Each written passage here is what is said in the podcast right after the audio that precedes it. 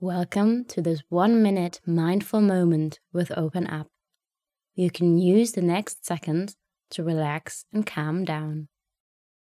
Put everything aside for a moment and close your eyes if you want. Bring your focus to your face. Try to release any tension in your facial muscles. Soften the front, eyebrows, eyes. Relax your mouth and relax your jaw. Maybe even release your tongue from the roof of your mouth. And take a deep breath in and out, and enjoy the rest of your day.